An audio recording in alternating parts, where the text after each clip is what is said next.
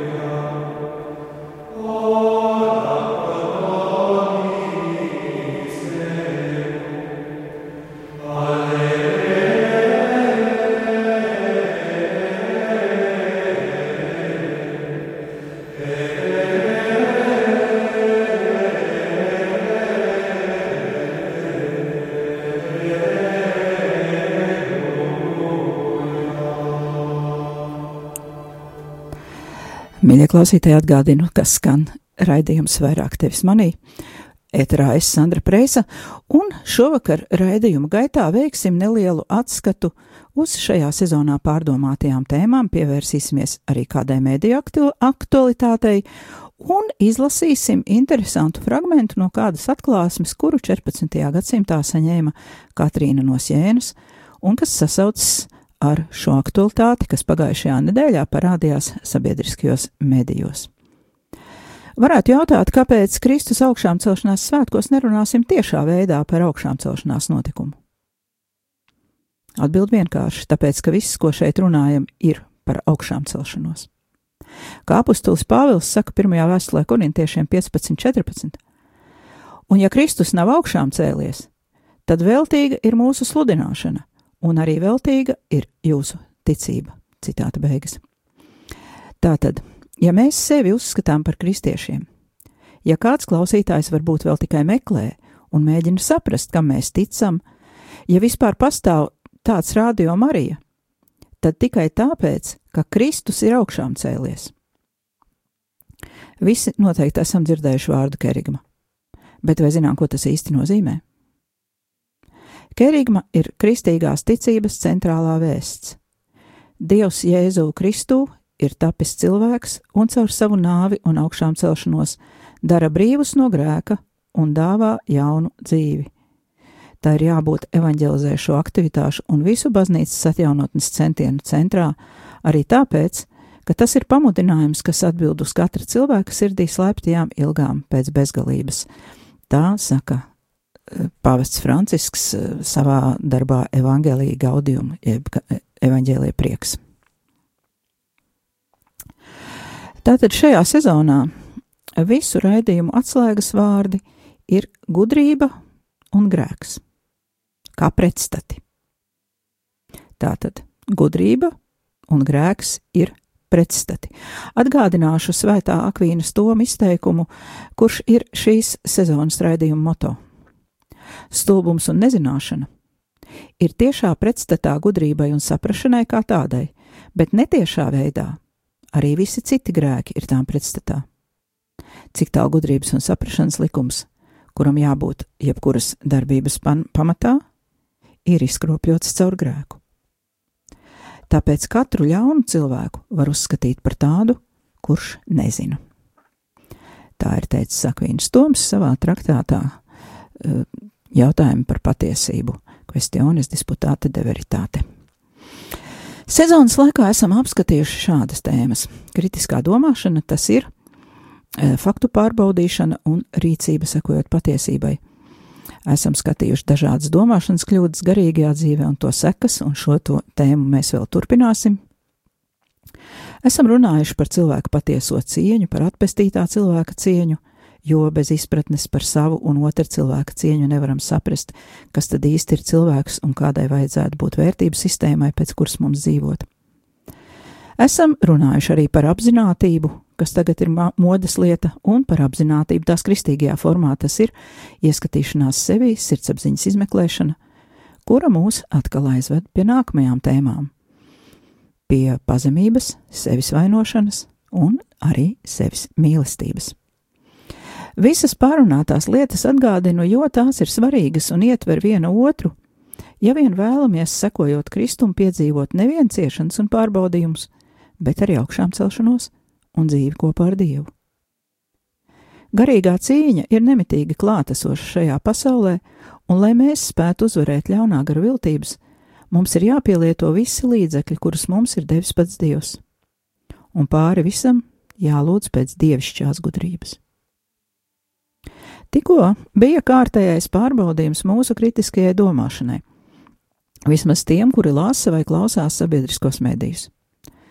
Pasaules un, protams, arī Latvijas medijos izskanēja kārtējā viltu, viltu ziņa, jeb fake news, ka pāvests Francisks esot pasludinājis, ka Ellis nav, bet grēcinieki, kuri nenožēlo savus grēkus, nevis dzīvos Ellē mūžīgi, bet vienkārši izzudīs kā nebijuši. Vai bijāt šo ziņu dzirdējuši?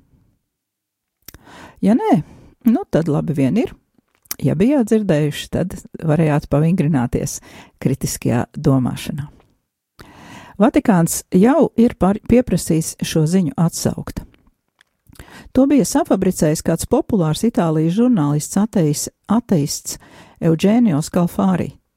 Viņš ir 94 gadus vecs un draudzējis ar pāvestu. Un bieži vien satiekas parunāties. Savas sarunas viņš neieraksta diktafonā, kā pats apgalvo, un tāpēc šo sarunu atstāsti satur paša žurnālista interpretācijas. Vatikānam jau četras reizes ir bijuši jāatsauc šā žurnālista izteikumi sakarā ar pāvestu Francisku. Protams, nepatiesi izteikumi. Citēju Vatikāna radio. Francisks nekad nav apgalvojis, ka Ēles nav. Tāpēc dažādu pasaules, tā skaitā Latvijas mediju izplatītā ziņa ar atsauci uz itāļu avīzi La Republika ir nepatiesa. Baznīcas mācība apstiprina to, ka elle pastāv un tā ir mūžīga, lasām Katoliskās baznīcas katehismā, numurs 1034. Mēs varam būt vienoti ar Dievu tikai tad, ja brīvi izvēlamies viņu mīlēt. Mēs taču nevaram mīlēt Dievu, ja smagi grēkojam pret viņu, grēkojam pret savu tuvāko vai pret mums pašiem. Numurs 1033. No tā izriet, ka nomirt smagā grēkā, nenožēlojot to un neatverot savu sirdi Dieva žālsirdīgajai mīlestībai, nozīmē brīvi izvēlēties būt uz mūžiem šķirtam no Dieva. Minētajā katehismā arī lasām svēto rakstu apgalvojumi un baznīcas mācība attiecībā uz elli ir aicinājums cilvēkam apzināties atbildību par savas brīvības izmantošanu, domājot par savu mūžīgo likteni. Vienlaikus tas ir arī neatliekams aicinājums atgriezties. Pāvests Francisks ir vairāk kārt izteicies par ēlas esamību un skaidrojis tās nozīmi. 2016. gada 25. novembra rīta svētās misijas homīlijā viņš norādīja, ka elle ir nošķirtība no dieva. Nonākt ellē nozīmē būt uz mūžiem šķirtiem no dieva, kurš mums dāvā laimi un mūs ļoti mīl. Elle ir paša cilvēka izvēle. 2015. gadā apmeklējot vissvētākajai jaunajai Marijai pestītāji mātei veltīto draudz Romā, pāvests sacīja: Uz elli tevi nesūta. Tu pats tur dodies tāpēc, ka tu izvēlies tur būt.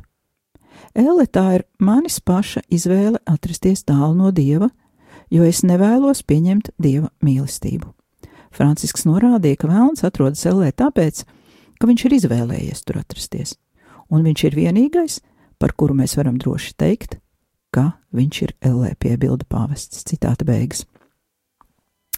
Aicinu pievērst uzmanību pāvesta teiktajam, ka vienīgi par vēlnu varam teikt, ka viņš ir ellē. Lai tas palīdz mums atcerēties, eh, kā jāatturas no citu cilvēku tiesāšanas, un arī no priekšlaicīgas sevis notiesāšanas un norakstīšanas. Atcerēsimies, ka Jēzus attaisnoja grēcinieku pie krusta, kurš nožēloja pēdējā brīdī pirms savas nāves. Tas gan nenozīmē, ka mums būtu tik ilgi jāvilcinās, bet gan to, ka mēs nedrīkstam tiesāt citus. Kamēr vien cilvēks ir dzīvs, viņš var gan sagrēkot un visu pazaudēt, gan arī nožēlot un atgriezties. Vienīgi pēc nāves vairs nē un tas attiecas kā uz mums pašiem, tā arī uz visiem citiem cilvēkiem mums apkārt.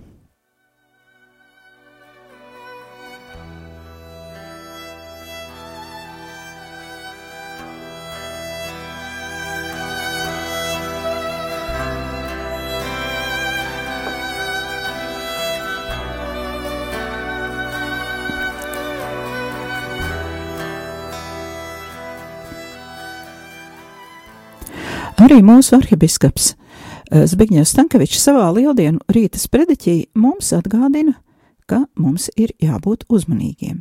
Citēju. Mūsdienu tā sauktā kultūra cenšas iestāstīt mums, ka grēka jau nav. Ir kaut kādas psiholoģiskas nepilnības, kaut kāda aizsprieduma, bet vispār jau grēka nav. Nu, varbūt sliktākajā gadījumā ir noziegumi, jo ir kriminālais kodeks, un ja to pārkāpj, tad ir kaut kāda vaina, bet tikai sabiedrības priekšā. Ja tevi neatklāja, tad viss ir kārtībā. Netiek uzsvērta sirdsapziņas loma, netiek pateikts, ka grēks ir realitāte, un, lai cilvēks būtu patiesi laimīgs, viņam ir nepieciešams būt harmonijā ar savu sirdsapziņu. Tāpēc gribu ar pilnu pārliecību teikt, ka mūsdienu tā sauktie masu kultūras uzstādījumi ir kā sirēna dziesmas mitoloģijā, kuras centās Odiseju vadīt, lai viņš uzbrauc uz klintīm un tā tad aiziet bojā. Tas ir taisnākais ceļš uz cilvēku iekšēju destrukciju, ceļš pretī depresijai. Jo ir svarīgi tomēr saukt lietas īstajos vārdos, paskatīties patiesībai acīs, atzīt patiesību par cilvēka dabu un to, ka tajā ir šis iekšējais plīsums un atvērtība uz to, ko saucam par grēku. Bet, kad esam jau tik tālu nonākuši, tad šeit sākas labā vēsts. Jo labo vēsti nevar pasludināt, ja nenostājamies uz realitātes pamata. Ja esi atzinis, tad lūk, ir šī vēsts. Viņa vārdā var saņemt grēku piedošanu. Viņš ir Dieva ieceltais tiesnesis pār dzīviem un mirušiem, kā raksts svētie raksti. Ja mēs atzīstamies mūsu grēkos, tad viņš ir žēlsirdīgs, viņš nāk ar savu piedošanu. Viņa nāves, krusta un augšām celšanās spēks ienāk mūsu dzīvē un mazgā visus mūsu grēkus, un ieved mūsu dvēselē harmoniju, mieru un apmierina mūsu dvēseles dziļākās slāpes. Jo patiesībā mūsu visdziļākās slāpes ir alkas pēc vienotības ar Dievu, ar tuvākajiem un ar sevi pašu. Un vienīgi Dieva žēlastība, Dieva klātbūtne un Dieva spēks var mums to dot un piešķirt spēku sakārtot savu dzīvi, savas attiecības ar saviem tuvākajiem tik tālu, cik tālu vien tas ir iespējams. Citāta beigas. Jā, patiesība ir tāda, ka cilvēks mēdz būt vājš, un diemžēl arī baznīcas vidē nereti varam dzirdēt pavisam dīvainu atziņu. Šis vājums tiek pasniegts gandrīz vai kā attaisnojums grēkam. Bet vai tā ir? Un vai to ir iespējams uzzināt? Un ko par to varētu teikt pats Dievs? Un tālāk pēc muzikālās pauzes.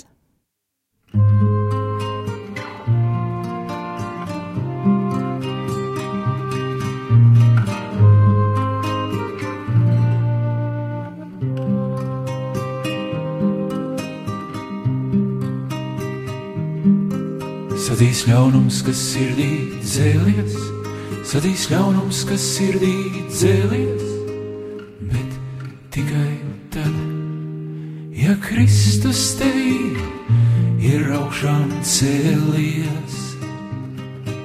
Ja Kristus tevī ir augšām cēlies.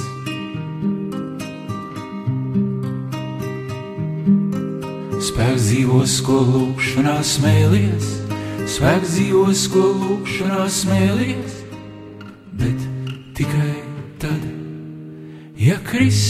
Tevī ir augšām cēlies. Ja Kristus tevī ir augšām cēlies.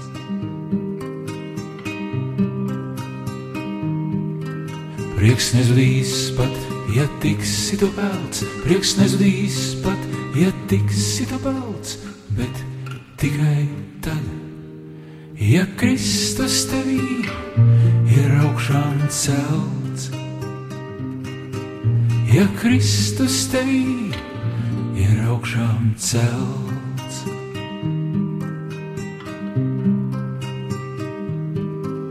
Pats slimības krusta ceļš nav velts, pats slimības krusta ceļš nav velts, bet tikai tad, ja Kristus tevī ir augšām celts ja Kristus tevī ir augšām celts.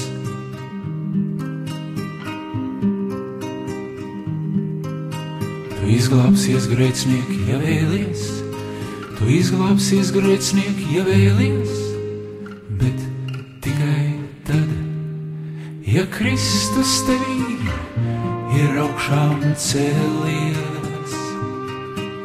Ja Kristus tevī cēlies. Lūk, sadzīs ļaunums, spēks dzīvos, ko lūkšanā smēlies. Prieks nezudīs pat, ja tiksi tu pelts pat slimības, krusta ceļš nav velts, ja Kristus tevī ir augšām celts. Tā dzied Kaspars Dimiters. Un turpina, tu izglābsies, ja vēlies. Tātad vienā dziesmā nepilnās divās minūtēs visa mācība par to, ko mums nes Kristus augšām celšanās.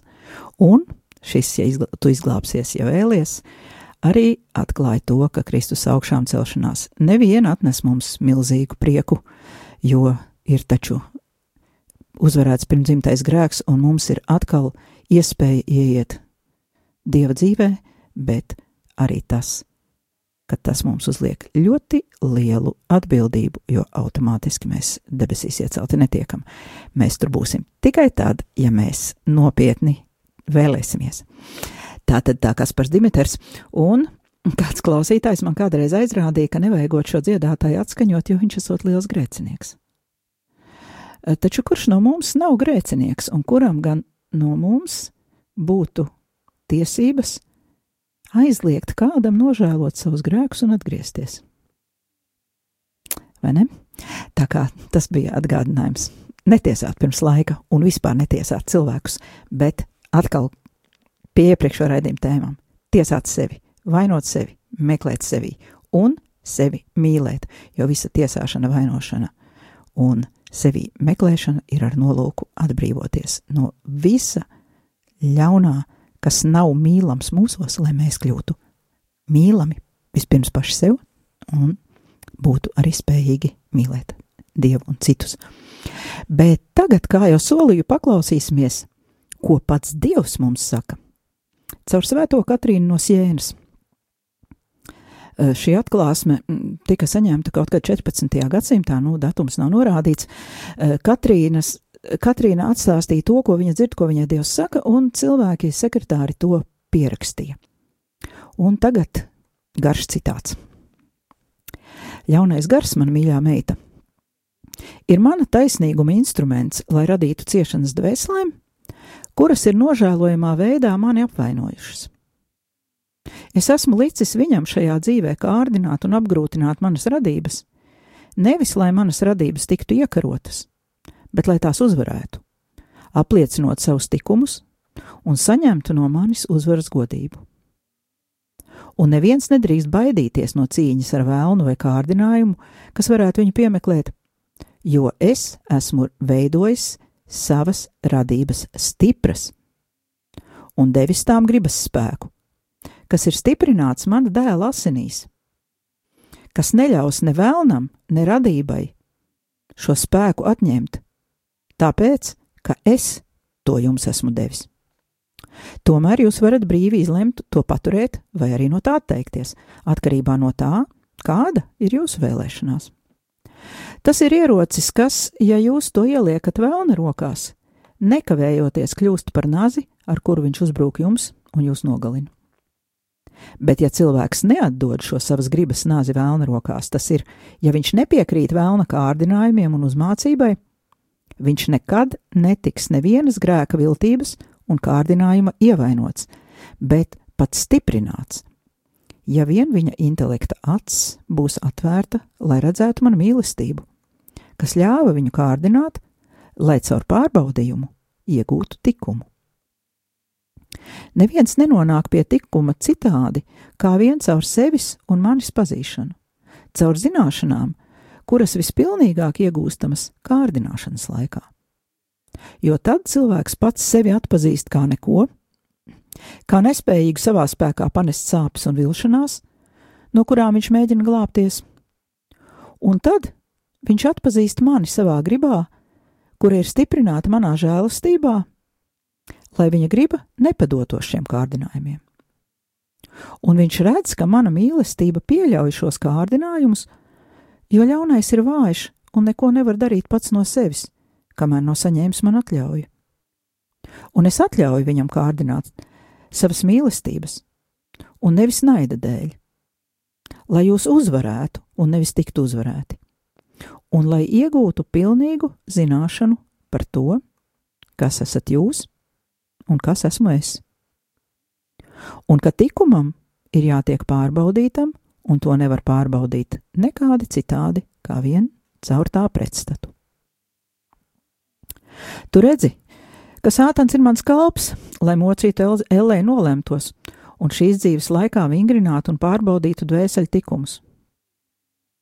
Nevis tāpēc, ka ļaunā gara aicinājums būtu pārbaudīt jūsu likumus, jo viņā nav mīlestības, bet drīzāk gan jums tos atņemt. Bet viņš to nespēja, ja vien jūs paši to negribat. Tagad tu redzi, cik liela ir cilvēku muļķība, ka viņi padara paši sevi vājus un bezspēcīgus, lai gan es esmu viņus darījis stiprus, un viņi paši ieliek sevi ļaunajam tieši rokās. Tāpēc zini, ka nāves brīdī tos, kas ir aizvadījuši savu dzīvi ļaunā garvadībā, un nevis tāpēc, ka bija spiesti to darīt, jo, kā jau es tev teicu, viņš, viņus nekas nevar piespiest to darīt, bet viņi ir brīvprātīgi ielikuši sev ļaunā rokās. Tātad tie nonākot pie savas nāves sliekšņa un atrastamies šajā perversajā pakļautībā, viņus negaida nekāda cita tiesa kā vien viņu pašu sirdsapziņa. Tā viņi vīlušies un bezcerīgi soļo uz mūžīgo pazudināšanu. Savukārt Elle, tā naida dēļ, kas ir viņu sirdīs, ceļas augšup viņiem pretī viņu nāves brīdī, un vēl pirms viņi ir sasnieguši nāvi, Elle jau viņus ir ieguvusi pateicoties viņu kunga sātana starpniecībai. Bet taisnīgie, kuri ir dzīvojuši žēlsirdībā un mirst pilni mīlestības, ja viņi ir dzīvojuši perfekti tikumos, kurus izgaismojusi ticības gaisma un cerības pilnībā uz jēra asinīm, tad tuvojoties nāves slieksnim, viņi redz to labumu, kuru es esmu viņiem sagatavojis un saņem to ar plaši atplestām mīlestības rokām, stingri turoties pie manis ar tās mīlestības spēku, kas viņiem ir uz mani, visaugstāko un mūžīgo labumu. Un tā viņi sajūt mūžīgās dzīves garšu, vēl pirms atstājuši savu mirstīgo ķermeni, tas ir, pirms dvēsele ir atdalījusies no miesas. Citi kuri ir pavadījuši savas dzīves un pietuvojušies nāves slieksnim vienkāršā, ikdienišķā, tuvāk mīlestībā, nesasniedzot tās augstāko pilnību. Saņem manu žēlastību tajā pašā ticības un cerības gaismā, kurā pilnīgās dvēseles. Bet tajos, kuri nav pilnīgi, viņu nepilnības dēļ viņi paši ierobežo manu žēlastību, uzskatot, ka tā ir pārāk liela viņu grēku dēļ. Savukārt bezgodīgi grēcinieki dara pretējo. Ieraugot savu atalgojumu, viņi savā neprātā to pieņem ar naidu, jo viņiem tas liekas par mazu. Kā jau es tev to stāstīju. Viņiem liekas, ka viņi ir pelnījuši kaut ko labāku. Tā nevienus ne otrus negaida tiesāšana, bet savas dzīves noslēgumā katrs no viņiem ieņem savu vietu, kā jau es tev stāstīju un viņi sajutīs tās garšu un iemājos tur, vēl pirms viņi atstās ķermeni pie savas nāves sliekšņa. Nolādētie ar naidu un bezcerību, bet pilnīgās dvēseles ar mīlestību un ticības gaismu un cerību balstītu svētajās asinīs. Bet nepilnīgie dosies uz šķīstīšanās vietu, tās pašas žēlastības un ticības piepildīti. Citāta beigas. Lūk, tā bija Svētās Katrīnas viena no atklāsmēm, kur ir publicēta mm, šo atklāsmi krājumā, kas saucas dialogi, jeb uh, dievišķās apredzības grāmata. Uh, vai mēs esam vāji, vai stipri, gudri vai muļķi? Tas, lai paliek jautājums, katram no mums personīgi. Jo dzirdējām, ka Dievs runā par atvērtu intelekta aci, ar kuru mēs varam ieraudzīt viņa mīlestību. Tātad, vai mūsu intelekta acis ir atvērta, vai mums vajadzētu atsaucoties uz savu vājumu, tolerēt savus grēkus, vai savukārt tomēr apzināties to spēku, ko Dievs mums ir devis. Vai mums pietiek gudrības, vai mēs varam šai gudrībā augt? Nu, noteikti varam. Tātad tās ir pārdomas nākamajai nedēļai, līdz nākamajam raidījumam. Šovakar raidījums vairāk tevis manī izskan, un es, Sandra Preisa, no jums atvedos. Paldies, ka klausījāties un līdz nākamajai pirmdienai!